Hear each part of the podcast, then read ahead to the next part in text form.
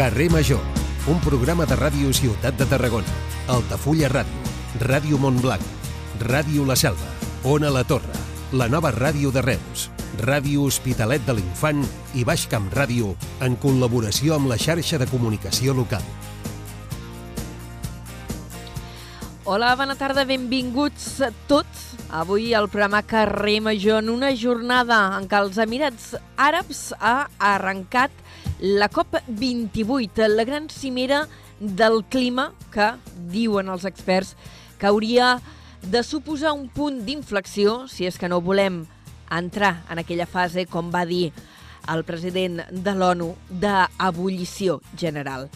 Per primera vegada es presentarà el que s'ha definit com l'avaluació global, eh, un estudi que indicarà els eh, progressos eh, que s'han de fer eh, que cada país hauria d'aconseguir eh, per establir accions per garantir que l'augment de la temperatura sigui inferior als 2 graus centígrads respecte als nivells preindustrials. Una trobada, una cimera, aquesta, la COP28, eh, que no està exempta de polèmica, entre altres qüestions, perquè es fa ni més ni menys que els Emirats Àrabs, que són un dels principals productors eh, de petroli mundial i, per tant, mm, derivada, mm, generació de gasos d'efecte invernacle, que és el que es produeix quan, quan es crema el petroli. L'edició d'enguany, com dèiem, arrenca avui, s'allargarà fins al 12 de desembre i s'espera que compti amb la participació de més de 77.000 de 70.000 assistents, volem dir, entre camps d'estat, els representants de govern, líders de la indústria i acadèmics. Per cert, entre aquests acadèmics també hi tindrem representants de la Universitat Rovira i Virgili. Aquesta és la notícia, diguéssim, d'abast internacional d'avui. A nivell de país, ja tenim data de la primera reunió entre Pere Aragonès i Pedro Sánchez. Serà just abans de Nadal, el 21 de desembre, al Palau de la Generalitat. El govern català confia que aquesta primera trobada, després de la investidura, sigui ja una reunió de treball. Per cert que Pere Aragonès encara el tenim amb aquest viatge eh, de promoció exterior de Catalunya a Corea del Sud, està a Seul i des d'allí avui eh, s'ha referit a un dels projectes estratègics del país i també del Camp de Tarragona, com és la fàbrica de l'OT Energy Materials que està previst que es faci a Montroig del Camp. Ha assegurat eh, i ha volgut tranquil·litzar a la gent que se la mira amb cert recel, que també n'hi ha, eh, que eh, aquestes instal·lacions compliran amb tots els requisits mediambientals que marca la legislació catalana. I a tot això, avui, aquí, també al Camp de Tarragona, hi ha hagut simulacre de risc químic. S'ha fet a Constantí, s'han activat sirenes, s'han enviat avisos als mòbils i hi ha hagut eh, implicats uns 150 professionals coordinats per primera vegada des del CECAT del 112 de Reus. Des de Protecció Civil han dit que ha anat bé. També us ho explicarem en aquesta primera hora del programa, d'aquesta primera hora de Carrer Major, el programa que fem 8 emissores del Camp de Tarragona. L'equip el formem l'Iri Rodríguez, l'Aleix Pérez, en David Fernández, la Gemma Bufies, la Cristina Artacho, l'Adrià Requesens, en Jonai Gonz uh, González, l'Antoni Mellados, Antoni Mateos, jo mateixa que sóc l'Anna Plaça, i el Iago Moreno, que el tenim al control tècnic. Comencem.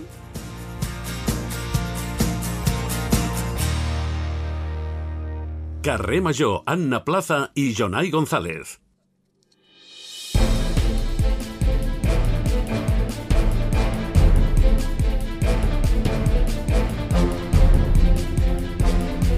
Quatre i set minuts. Ara és moment de repassar en forma de titulars les notícies més destacades del dia al Camp de Tarragona. Ho fem amb en Jonai González. Bona tarda, Jonai. Molt bona tarda.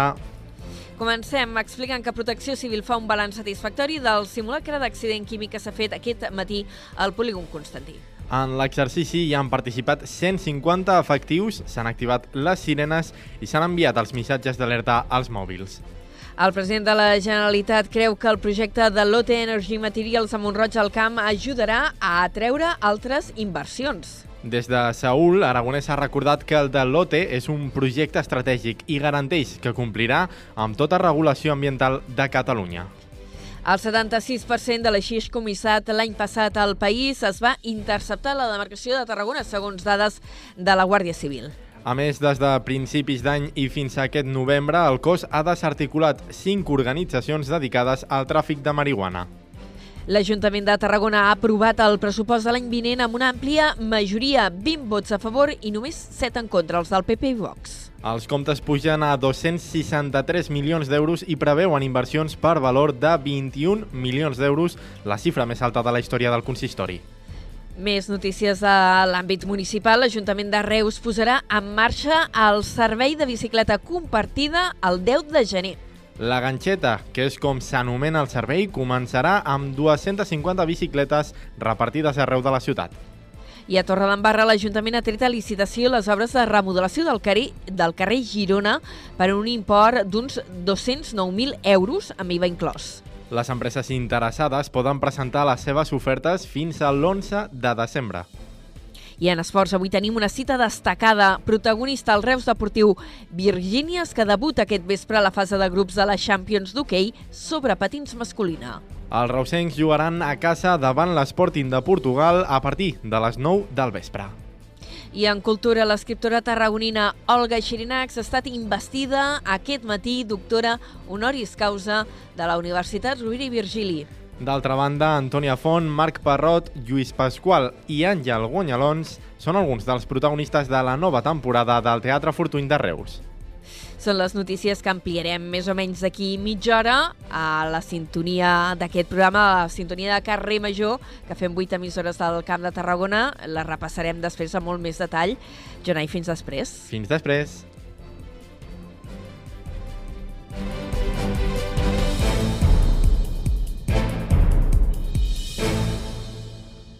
Carrer Major. Toni Mateos.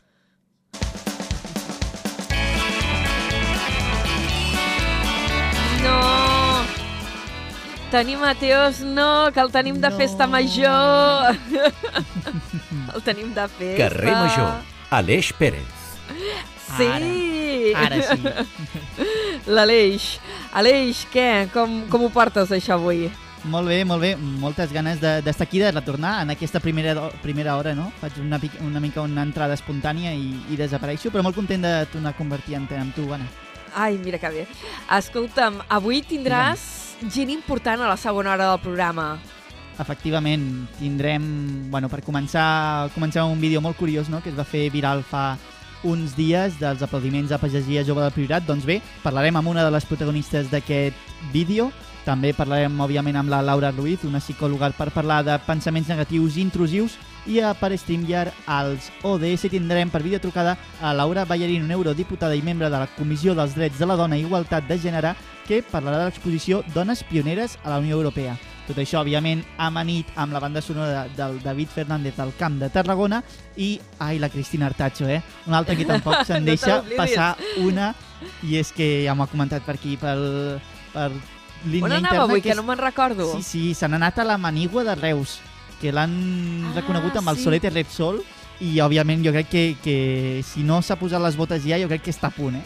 Molt bé, ostres, mira, entre estrelles eh, Michelin Sí, sí, i, i soletes eh, estem... Servits. Ai, sí, jo que m'he menjat un trist plat de fideus davant de l'ordinador, que trist, Jo també llenties també d'aquestes de pot. que trist. Quins diners Ai, més mare. tristos que fem treballant aquestes hores. No res, Aleix, tot això a partir de les 5 i ara aquí ens quedem. Saps de què parlarem avui? No, de què parlareu? De català i de Pompeu Fabra. Ai, molt bé. Jo em poso molt nerviós sempre quan ve la- l'Agnès Per què? Tola, perquè sempre, faig, sempre parlo malament el català i els seus jocs i els enigmes mai els trec. O sigui que Doncs- estaré, estaré atent a veure si... si... Doncs avui parlem amb una persona de referència amb la normativització actual del català. estaré atent. Vinga, fins ara. Fins ara, vagi bé. Cada tarda de dilluns a divendres fem parada a Carrer Major.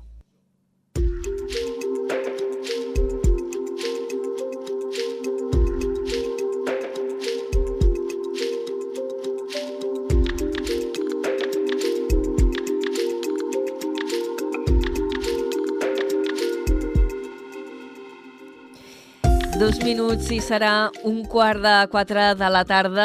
Avui volem parlar de, de llengua i ho farem amb en Jordi Ginebra, que és professor de Filologia Catalana a la URB. Ho fem coincidint en que justament avui acaba el sisè col·loqui internacional La Lingüística de Pompeu Fabra, que s'organitza precisament des de la URB i del qual en Jordi Ginebra és president del comitè organitzador. Professor, ja heu acabat o encara us queda alguna ponència? Bé, ens queda la taula rodona final, que és una taula que serà molt interessant perquè hi participen, entre altres, el president de la secció filològica i després hi participen altres experts i, per tant, és una taula rodona que per, promet eh, tenir un gran interès. Eh?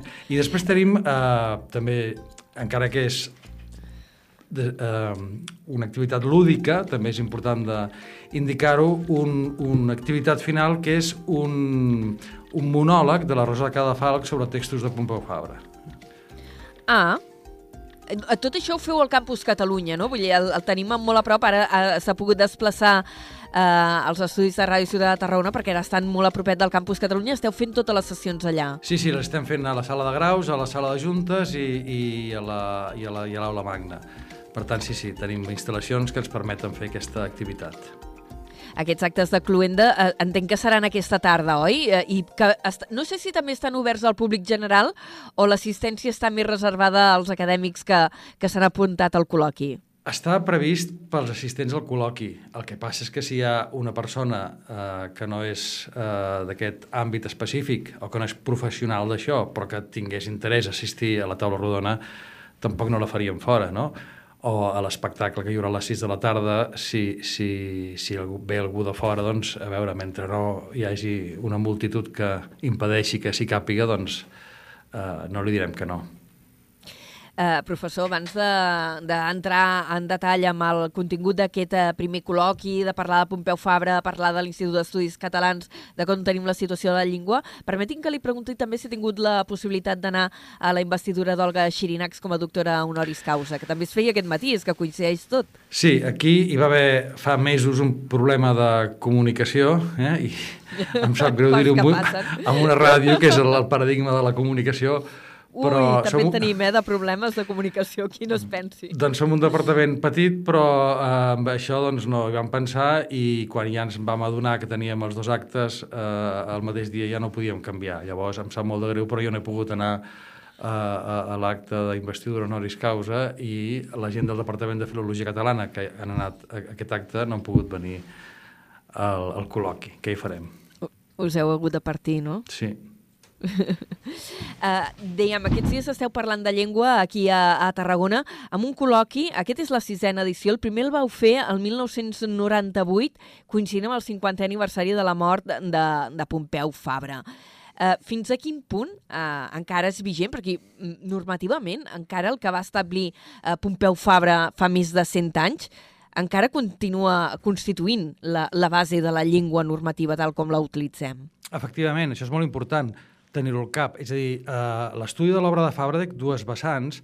Una seria la més històrica, és a dir, ell és una figura històrica de fa 100 anys i, per tant, això demana una anàlisi de la situació cultural, de la situació històrica, i nosaltres aprofundim en aquesta vessant, però en té una altra que, segons com, no, no sé si dir que és més important, però potser sí que és més pràctica, i és que, de fet, nosaltres, avui, 100 anys després, es pot dir que nosaltres escrivim en la llengua de Pompeu Fabra.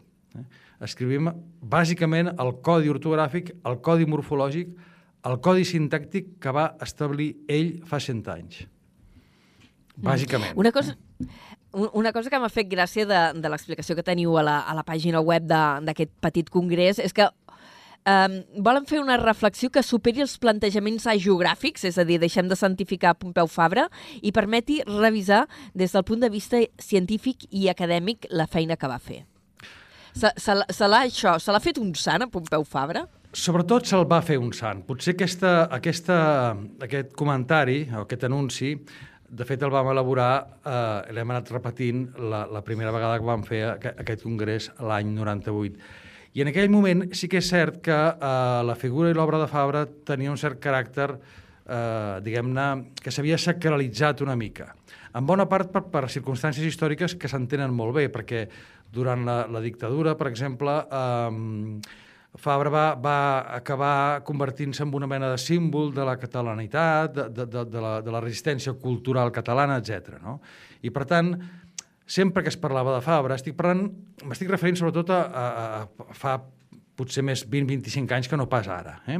Sempre que es parlava de Fabra, doncs, eh, es parlava d'una cosa que semblava pràcticament mm, una realitat sagrada, eh? mitificada. Llavors, en aquest sentit, sí que nosaltres volíem trencar amb això, és a dir, que escriure sobre Fabra no fos només dir Fabra, que important que és la nostra llengua, la nostra vida, gràcies a Pompeu Fabra, que, que això és cert, però, és clar, des de l'acadèmia ningú no és perfecte i, per tant, Fabra tampoc és una figura perfecta i, per tant, eh, ens interessava eh, adoptar aquesta posició acadèmica d'estudi i d'anàlisi de, de, de la seva figura i de la seva, i de la seva obra.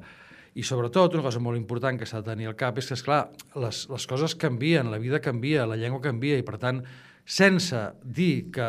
sense trair, eh? sense ser infidel a l'esperit de Pompeu Fabra, podem anar fent canvis. Eh? O sigui, la llengua va canviant. I en aquest sentit... Ja, ja. Eh, eh, però això, és a dir, per, i perdona, eh, per poder fer aquests canvis, per poder replantejar-te coses, per poder veure que potser en alguns aspectes no la va encertar, eh? doncs efectivament hem de trencar aquest patró de, de, de vida de sant, que és el que teníem. Precisament això, hi ha alguna cosa en què no la va encertar Pompeu Fabra? Uh, jo crec que en el moment en el qual ell va, va elaborar la codificació, parlar d'encertar, de, de no encertar, jo crec que no seria l'expressió justa. Sí que és veritat que en alguns casos va tenir certes limitacions, que són, de, de, per exemple, el diccionari que va fer és un diccionari que, que el considerem molt bo, que va ser molt bo pel seu moment, però per exemple, pel que fa a l'acollida la, a la, de lèxic eh, eh, més representatiu de les grans varietats eh, geogràfiques, doncs en aquest punt eh, es podia haver completat més. Eh? I, de fet, això és el que ah, molts anys després va fer l'Institut amb el DIAC 1 i amb el DIAC 2. Eh? És a dir, sí que podem mm, trobar limitacions de, de, de Pompeu Fabra que són en bona part degudes a les, a les circumstàncies en, en què va fer la seva feina, no? Però la qüestió de dir aquí, aquí es va equivocar 100%, jo no crec que puguem trobar un punt d'aquests, no?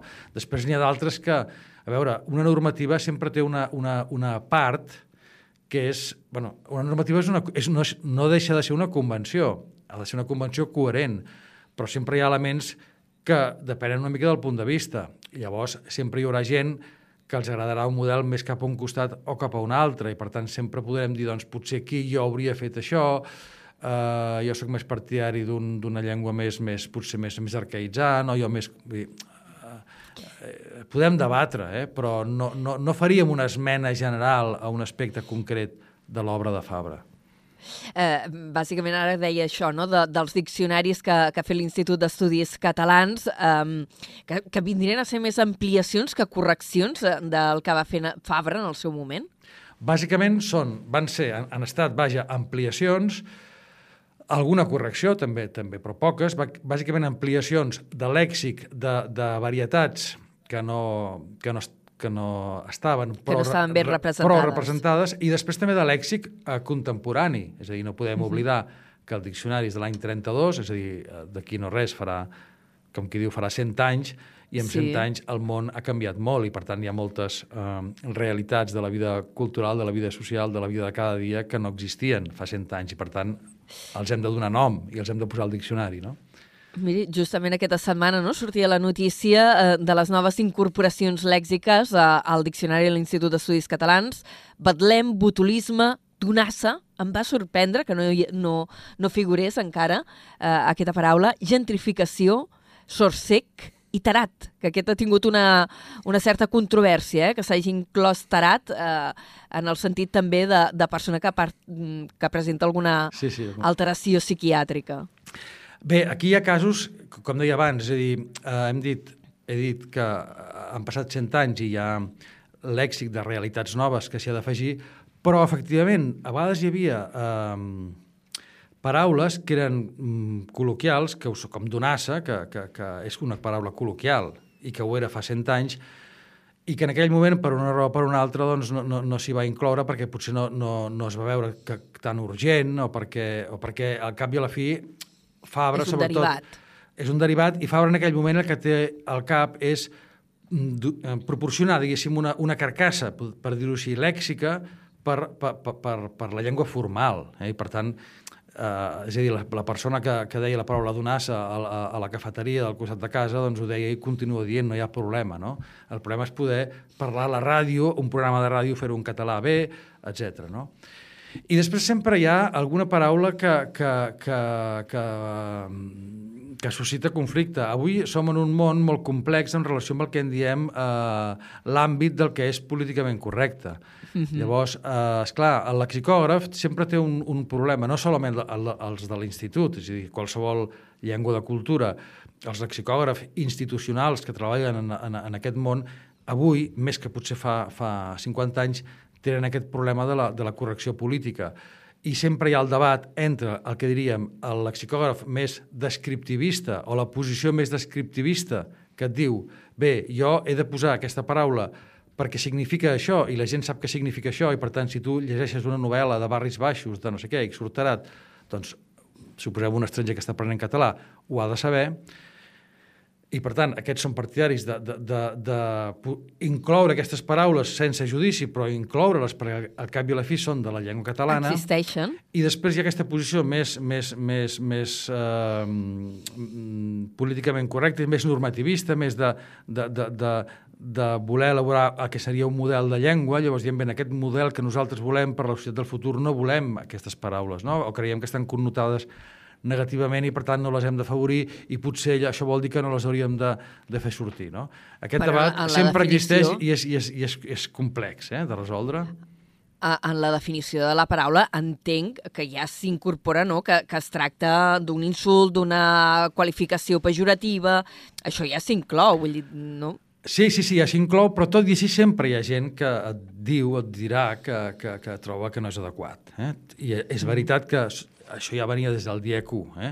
O sigui, una de les coses notables de canvi amb el diccionari Fabra del 32 i el, i el, i el dia Q és aquest, és a dir, aquesta voluntat de, eh, en qualsevol cas, eh, eliminar tot el que siguin rastres de, de, de, de, de, de, de, de masclisme, de sexisme, de racisme, que tampoc no és fàcil el- eliminar-los del tot, eh? això també hem de tenir en compte. No?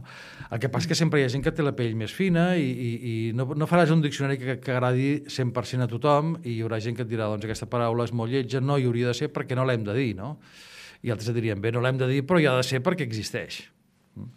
Uh, professor, m'agradaria ara que parléssim un momentet de la, de la figura de Pompeu Fabra, que ens traslladem a principis del segle XX, quan treballava ell, uh, i reconstruïm una mica com va ser aquell procés.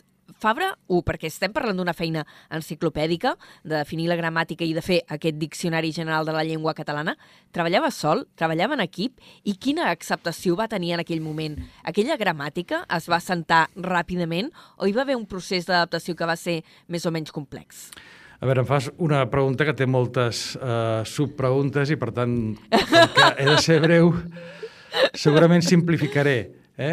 Uh, Fabra mm, és un gramàtic que comença a treballar amb un grup d'amics, és a dir, sense suport institucional, però eh, hem de tenir sempre en compte que l'èxit de l'obra de Fabra mm, té a veure amb la seva qualitat com a científic, però també té a veure amb les circumstàncies polítiques. Eh? És a dir, eh, el procés d'ascens de, de, o de progrés del catalanisme polític eh, era imparable i això generava el que seria ara una demanda d'estàndard, de, de, d'estàndard, eh, de llengua estàndard. I això eh, coincideix, no sé si la paraula és coincideix, però es produeix en, en, en el moment de, de, de l'ascens de, de Prat de la Riba, primer a la Diputació de Barcelona i després a la, a la Mancomunitat, i això vol dir que, que la llengua té vies institucionals de, de canalització. Llavors, aquí hi ha la, la, la, la, la que diuen la feliç conjunció. Prat de la Riba, tot i que ideològicament era els antípodes de Fabra, perquè Fabra era, era republicà i era progressista i Prat de la Riba era, era conservador, I conservador. Uh -huh. però algú eh, li diu que si el que vol és mm, tenir una llengua institucional, una llengua d'ús públic per aquest, eh, aquests àmbits de poder que anaven creixent, ha de buscar Pompeu Fabra. Eh? Llavors, ell, és a dir, la, la, la Diputació primer i la Mancomunitat van eh, finançar una càtedra especial, que era Càtedra de Llengua Catalana, que van concedir a Pompeu Fabra, que en aquell moment, a més a més, Pompeu Fabra ni vivia a Barcelona, ell vivia a Bilbao, ell era, ca- era catedràtic de... era mm, professor d'enginyeria química a Bilbao. Eh?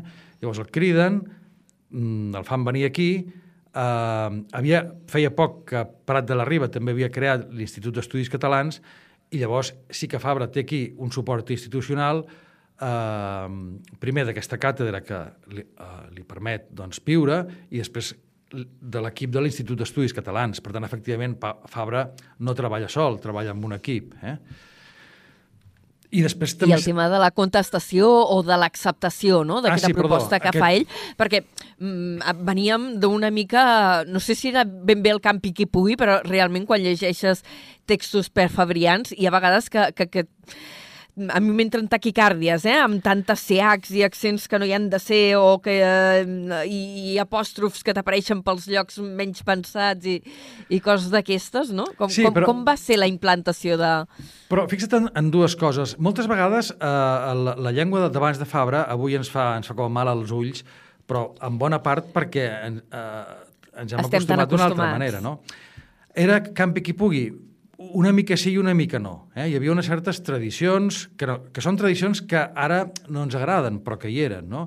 Per tant, tampoc era tan, tan, tan, tan desordenat com, com hem fet veure. No? Com pot semblar, no? Però sí per, que hi havia- per nosaltres xoca, no? Sí que hi havia vacil·lació. I sí que és cert que hi va haver una certa contestació al començament, però una cosa que a mi m'interessa molt, o sigui, que, el que se diu l'antifabrisme, que si tu mires en una enciclopèdia on sigui et sortirà antifabrisme, no? va existir l'antifabrisme, sí. Però a mi el que m'agrada destacar sempre és que l'antifabrisme venia sobretot de gent gran, de gent consolidada, d'escriptors doncs, Narcís Uller, uh, Pini Soler... És a dir, eren gent que... Home, doncs aquests eren d'aquí, no? I eh, Sí, sí, sí. va tenir contestació amb, amb escriptors notables del Camp de Tarragona. Va tenir eh, contestació amb escriptors notables del Camp de Tarragona i d'altres llocs de, de, de, de, del territori. Però, eh, perquè eren gent que tenien a, a la seva vida cultural feta, els seus hàbits d'escriptura molt consolidats, i també hi havia qüestions a vegades de tipus més més ideològic, relacionats amb el tipus, amb, amb, amb, amb no, no tant polític, sinó de qüestió més d'estètiques, d'opcions de, de, d'opcions culturals, etc. No? Per tant, hi ha una resposta, hi ha un antifabrisme que és molt, molt contundent, molt batallador, però és molt, i, i que fa molt de soroll, perquè eren gent important, efectivament, Narcís Uller, Pini Soler i d'altres, però és molt reduït. Eh? És a dir, la gent, la gent jove, tothom eh, es fa fabriar al moment. Eh?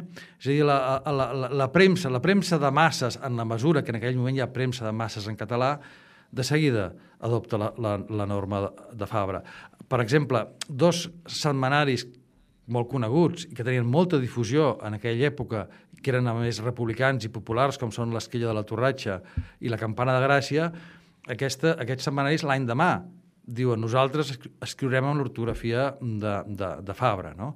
És a dir, que, que, que s'implanta molt de pressa i, i, i, i, so, i jo diria que més en, en, en els estrats eh, de classes mitjanes i baixes, més que en alguns dels cenacles d'aquesta alta cultura que són resistents eh? i que a vegades resisteixen amb molta força, però, insisteixo, mm, eh, són un nuclis reduïts. Uh, la- L'ortografia i la gramàtica de, de Pompeu Fabra con continuen sent la base, ja ho hem dit, però s'hi han anat fent aportacions, correccions, uh, ampliacions, i, i en tenim, per exemple, um, la nova gramàtica de la llengua catalana uh, que va fer l'Institut d'Estudis Catalans no fa gaires anys, el 2016, i que, entre altres coses, passava al ribot els accents diacrítics. Jo encara estic uh, plorant pel soc amb accent. Vull dir, encara quan escric, passats aquests anys, quan escric soc sense accent del verb ser, encara, en, encara, encara em fa mal, eh? encara em neguitejo. És que això és normal. A nosaltres ens fa mal perquè vam aprendre de l'altra manera, però fixa't que estaríem en la mateixa situació de Narcís Uller de fa 100 anys. Sí. El que passa que amb Narcís Uller no li havien canviat un accent, sinó que li havien canviat tota l'ortografia, no? Imagina't, no?, quina és la seva reacció.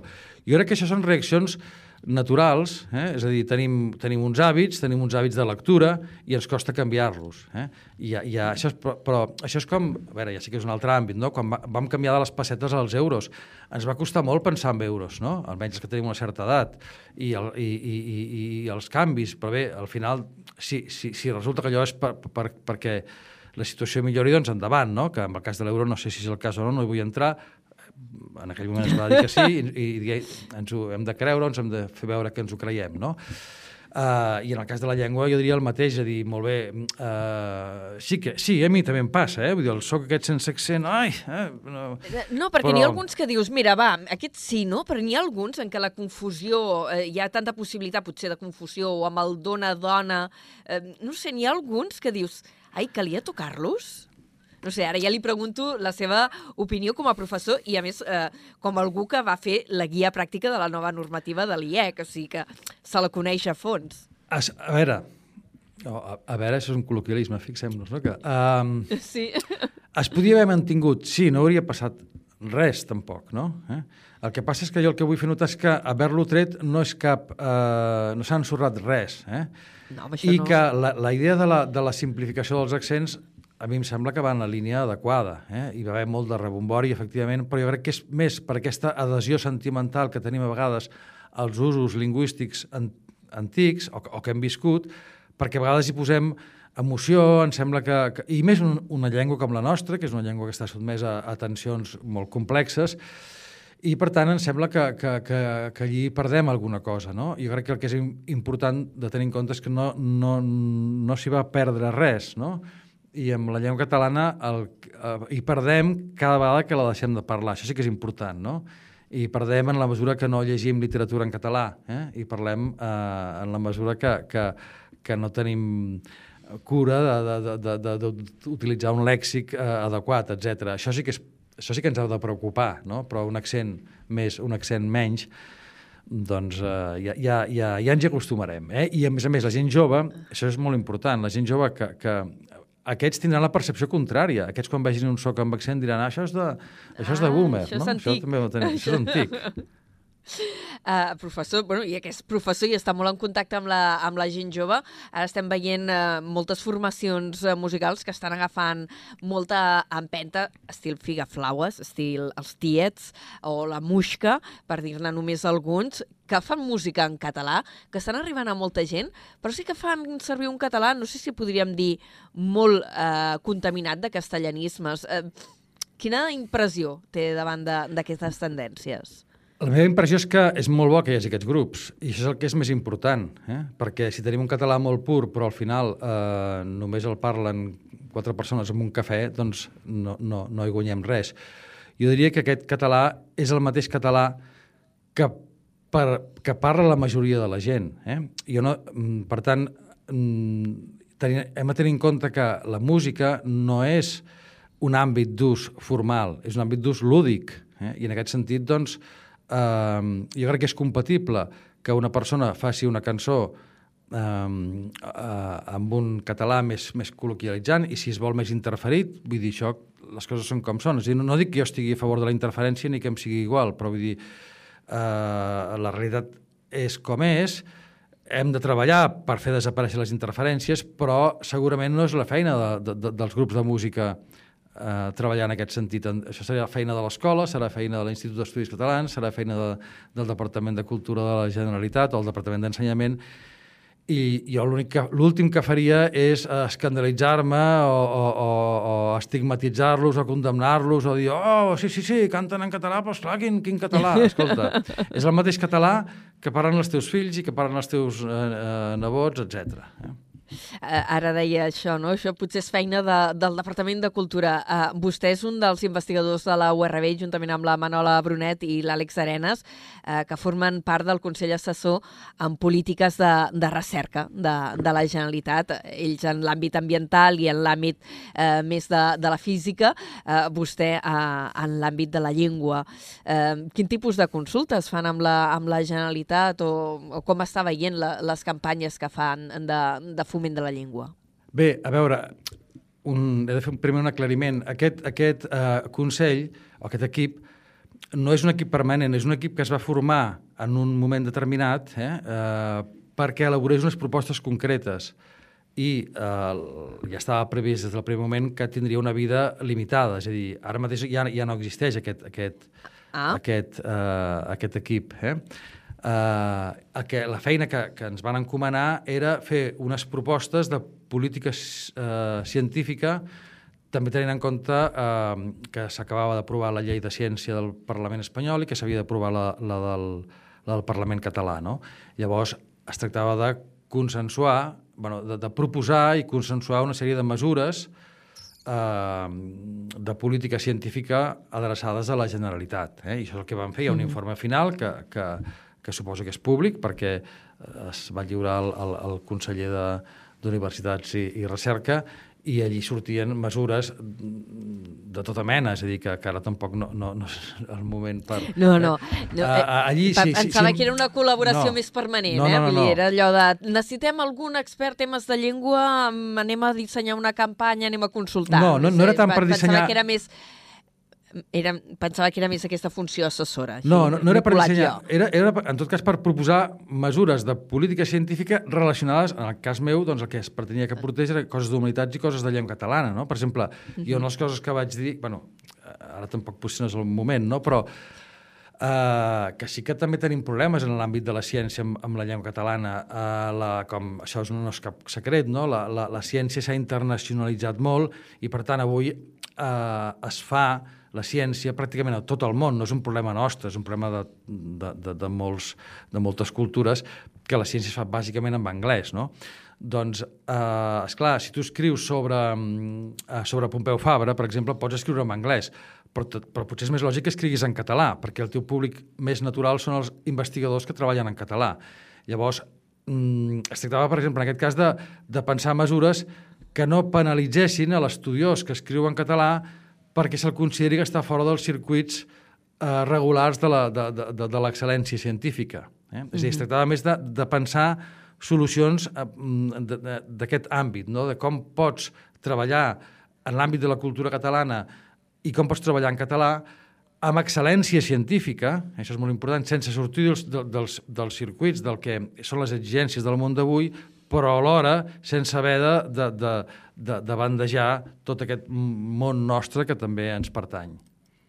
Al final, professor, m'ha acabat tractant molts temes eh, i ara ho haurem de deixar aquí i deixarem que se'n torni al Campus Catalunya de la Universitat eh, Rovira i Virgili eh, molt a prop d'on està ara dels estudis de Ràdio Ciutat de Tarragona perquè mm, pugui assistir a aquests actes de cluenda del sisè col·loqui eh, internacional Pompeu Fabra que s'ha fet aquests dies a la universitat i que és el motiu primer pel qual l'hem convidat avui. Ha estat un plaer tenir-lo aquí.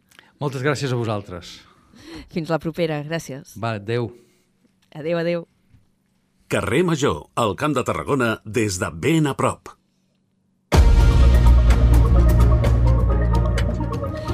4 i 41 minuts, ara és moment d'endinsar-nos amb detall en les notícies del dia. Ho fem amb en Jonai González. Bona tarda de nou, Jonai. Eh, començarem parlant, és veritat que havíem de fer el canvi de cadires als estudis de Ràdio Ciutat. M'ha marxat del cap i mira que m'havien avisat. Eh, Protecció Civil fa un balanç satisfactori del simulacre d'accident químic que s'ha fet aquest matí al polígon Constantí. En l'exercici hi han participat 150 efectius, s'han activat les sirenes i també enviat missatges d'alerta al mòbil. Fa la crònica de com ha anat tot plegat la Noelia Silvero des de Constantí Ràdio. Arran d'aquest accident, des del SECAT s'han activat les sirenes d'avís a la població i s'ha recomanat el confinament dels treballadors de les empreses properes. A la vegada s'ha enviat un missatge d'alerta als telèfons mòbils restringit a les persones que es trobaven a la zona. En el simulacre hi han participat bombers, Mossos d'Esquadra, el Servei d'Emergències Mèdiques i s'han activat el Consell Assessor i el Consell Tècnic del Pla Secta. També s'ha activat el Centre de Coordinació Cooperativa d'Àmbit Local, el Secopal, de l'Ajuntament de Constantí. El polígon industrial de Constantí és un dels més grans de Catalunya. El simulacre d'avui ha afectat 400 empreses i 3.000 treballadors. Àngel Xifré és el delegat del govern a Tarragona. Era un escenari que com a pla secta ens interessava treballar, sobretot per arribar a tots els treballadors d'aquestes empreses. Estem parlant, tal com he dit abans, de 3.000 treballadors i al voltant de 400 empreses. En el simulacre hi han participat les empreses i els treballadors del polígon industrial amb l'objectiu de posar en pràctica les accions i les mesures d'autoprotecció que caldria fer en cas real d'accident. Moltes gràcies, eh, Noèlia. Eh, anem a abordar altres notícies. Eh, ja ho hem anat explicat aquests dies, que el president de la Generalitat està a Corea. Des d'allí ha dit que el projecte de l'OT Energy Materials, que s'ha de fer Montroig del Camp, podria tenir un efecte taca d'oli per aconseguir atreure més inversions coreanes. Pere Aragonès diu que és una primera passa i garanteix que la fàbrica no suposarà un impacte mediambiental negatiu. Ho ha dit aquest dijous en atenció als mitjans des de Seul després de reunir-se amb els directius de la companyia coreana. El president de la Generalitat ha remarcat que la inversió és estratègica. De fet, per Aragonès aquest projecte és clau per augmentar la reputació de l'economia catalana. Però sobretot eh, és una primera passa. És a dir, degut a com està estructurada l'economia coreana al voltant de grans conglomerats empresarials, sí, eh, amb, hi ha doncs, una bona recepció, una bona entesa amb una inversió que porti a terme algun d'aquests eh, grans conglomerats empresarials, després això genera un efecte taca d'oli, augmenta la reputació de l'economia catalana i per tant aquest també és el nostre objectiu. El nostre objectiu és crear llocs de treball de qualitat i crear oportunitats. El president de la Generalitat ha explicat també que fa dues setmanes els directius de l'OT Energy Materials van estar a Montroig del Camp i van confirmar que faran la inversió completa que s'enfila fins als 1.200 milions d'euros. Preguntat per l'impacte ambiental, Aragonès ha garantit que es complirà la legislació totes eh, les inversions que estem treballant perquè arribin a Catalunya són inversions que han de complir, com no pot ser d'una altra manera, amb la nostra legislació i, entre d'altres, la legislació en l'àmbit medioambiental. Per tant, eh, totes aquestes inversions incorporen les mesures per tal doncs, que no hi hagi en cap cas un impacte medioambiental eh, negatiu. La inversió de 1.200 milions d'euros és la més elevada dels últims 20 anys a Catalunya d'una empresa que no hi tenia presència anteriorment. El projecte preveu crear uns 600 llocs de treball, 200 per cada planta, i serà la primera fàbrica del grup coreà al continent europeu.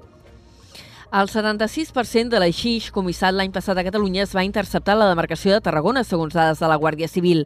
A més, des de principis d'any i fins a aquest novembre, el cos ha desarticulat cinc organitzacions que es dedicaven també al tràfic de marihuana.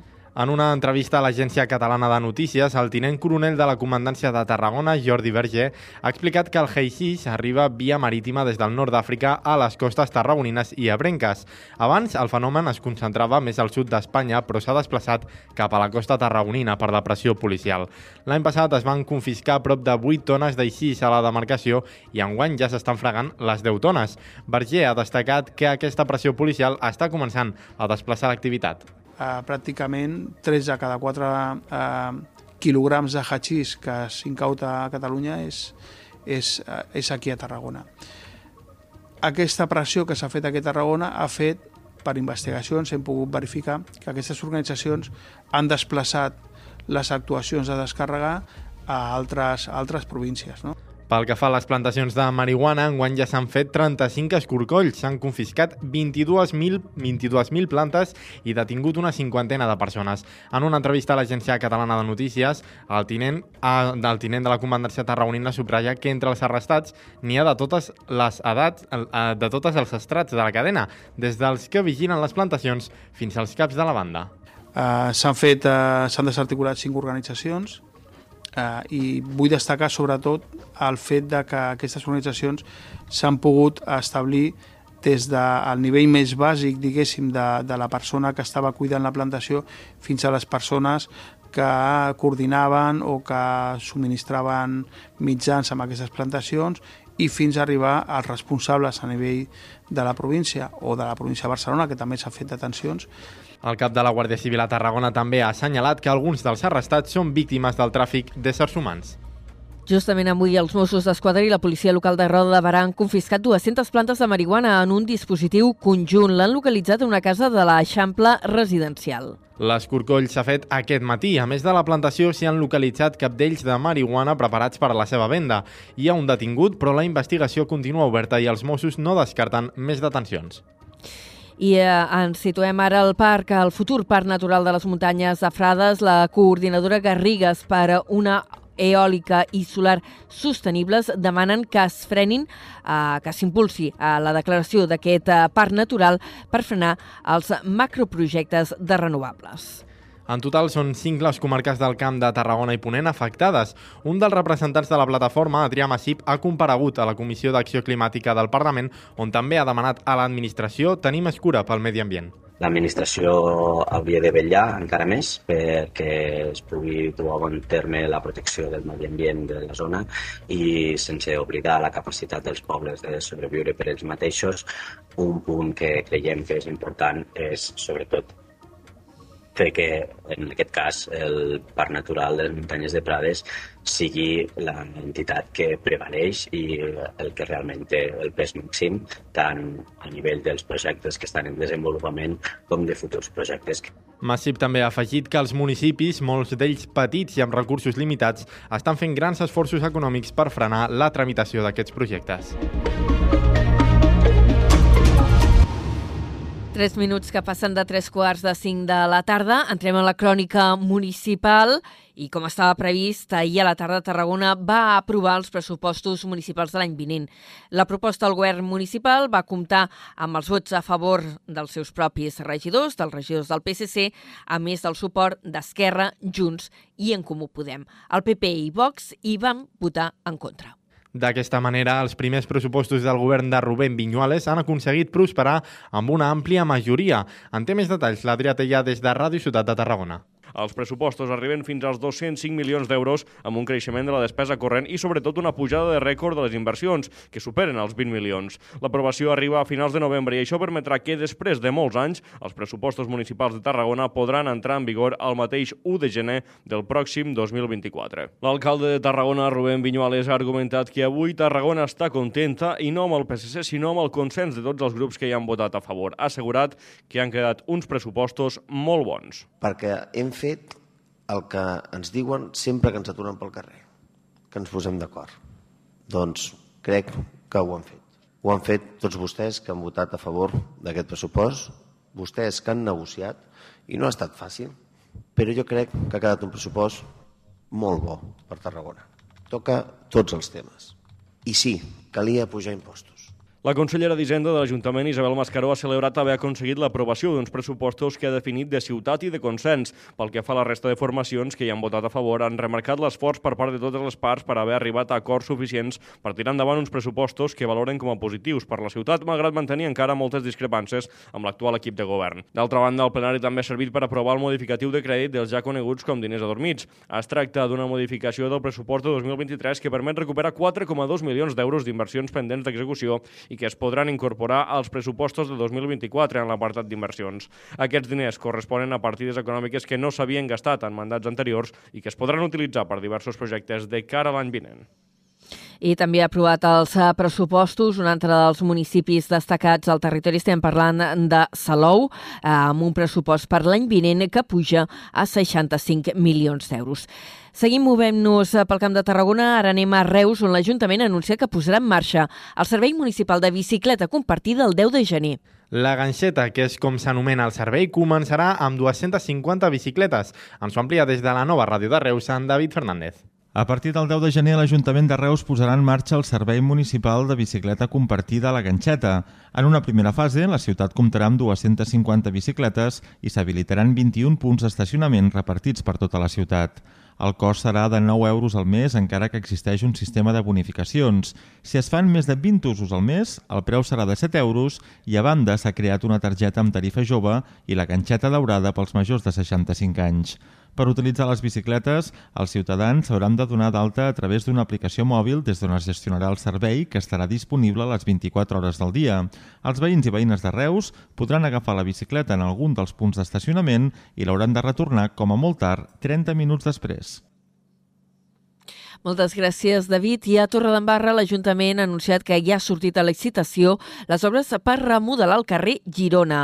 El preu de sortida és de 209.000 euros, amb IVA inclòs. Les empreses interessades poden presentar les seves ofertes fins a l'11 de desembre. Des d'Ona la Torre ens ho explica en Josep Sánchez. Aquestes obres han de permetre donar continuïtat a l'eix que va de la plaça Catalunya al passeig Miramar, que ja s'han remodelat anteriorment. Segons el projecte bàsic executiu, aquesta reforma suposarà una reducció de l'amplada de la calçada a 5 metres i mig i l'ampliació de les voreres. A més, només es podrà aparcar en un dels dos costats del carrer i es plantarà arbrat a banda i banda. També s'instal·larà una nova xarxa de pluvials i se soterrarà una línia elèctrica de baixa tensió. Aquestes obres es realitzaran gràcies a una subvenció d'uns 150.000 euros del Servei Català de Trànsit que ja es va adjudicar a principis d'any. La resta ho aportarà l'Ajuntament a través d'un préstec bancari. Gràcies, eh, Josep. I a l'Hospitalet de l'Infant, eh, el consistori fa un balanç positiu de les assemblees ciutadanes que s'han fet. Durant aquesta setmana, l'equip de govern ha dut a terme unes assemblees obertes a la ciutadania als diferents nuclis del municipi per informar sobre les actuacions realitzades fins al moment i per escoltar els suggeriments del veïnat. Des de Ràdio L'Hospitalet, Iris Rodríguez. L'equip de govern de Vandellós i l'Hospitalet de l'Infant ha tingut com a iniciativa obrir a la ciutadania unes assemblees per informar sobre les actuacions que ha dut a terme fins al moment on el veïnat va participar en propostes i preguntes del municipi. L'alcaldessa Assumpció Castellví fa un balanç molt positiu d'aquesta proposta. Ha vingut molta gent i sobretot el que volíem, participar, el diàleg, l'escolta activa i que ens donessin molts suggeriments i també ens diguessin coses que han pogut fer bé o no tan bé. I la veritat és que ho hem aconseguit i la, cada assemblea ha durat dues hores a tots els pobles, molt contents de l'assistència i de la, la gent com ha, ha contestat i ha, i ha actuat. Els temes més comuns que preocupen al veïnat és el tractament de la brosa i els residus i també els excrements de les mascotes domèstiques pels carrers del poble. I una de les preguntes més freqüents tractava sobre les barreres arquitectòniques. Les assemblees han comptat amb una participació de gairebé 200 persones dels diferents nuclis del municipi. La Generalitat, per cert, anuncia que ha comprat 137 habitatges a la Sareb, a Vilanova, a Valls i a Constantí per destinar-los a lloguer social. L'Incasol destina 9,6 milions d'euros per comprar aquests immobles i reclama al Banc Dolent que acordi sessions gratuïtes. Dit això, anem als esports.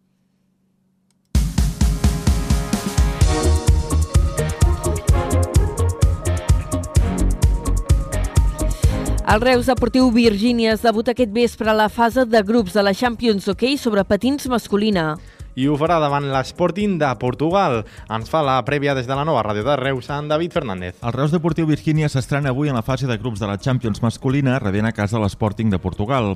Els roig-negres arriben al partit després de dues victòries consecutives.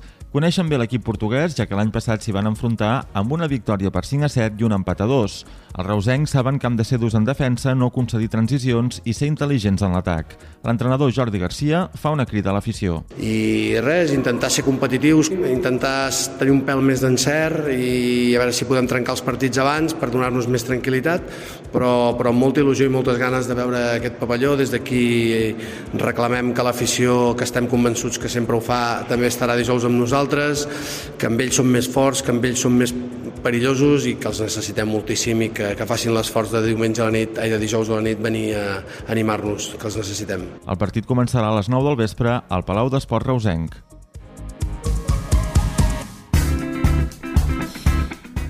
I ho hem comentat amb l'entrevista amb Jordi Ginebra, la notícia cultural del dia és que l'escriptora tarragonina Olga Xirinacs ha estat investida doctora honoris causa per la Universitat Rovira i Virgili. Avui també s'ha presentat nova temporada al Teatre Fortuny. Hi haurà Antònia Font, Marc Parrot, Lluís Pasqual i Àngels Gunyalons, entre altres. Així tanquem la primera hora de Carrer Major. Ara a les 5 pren el relleu l'Aleix Pérez. Fins després.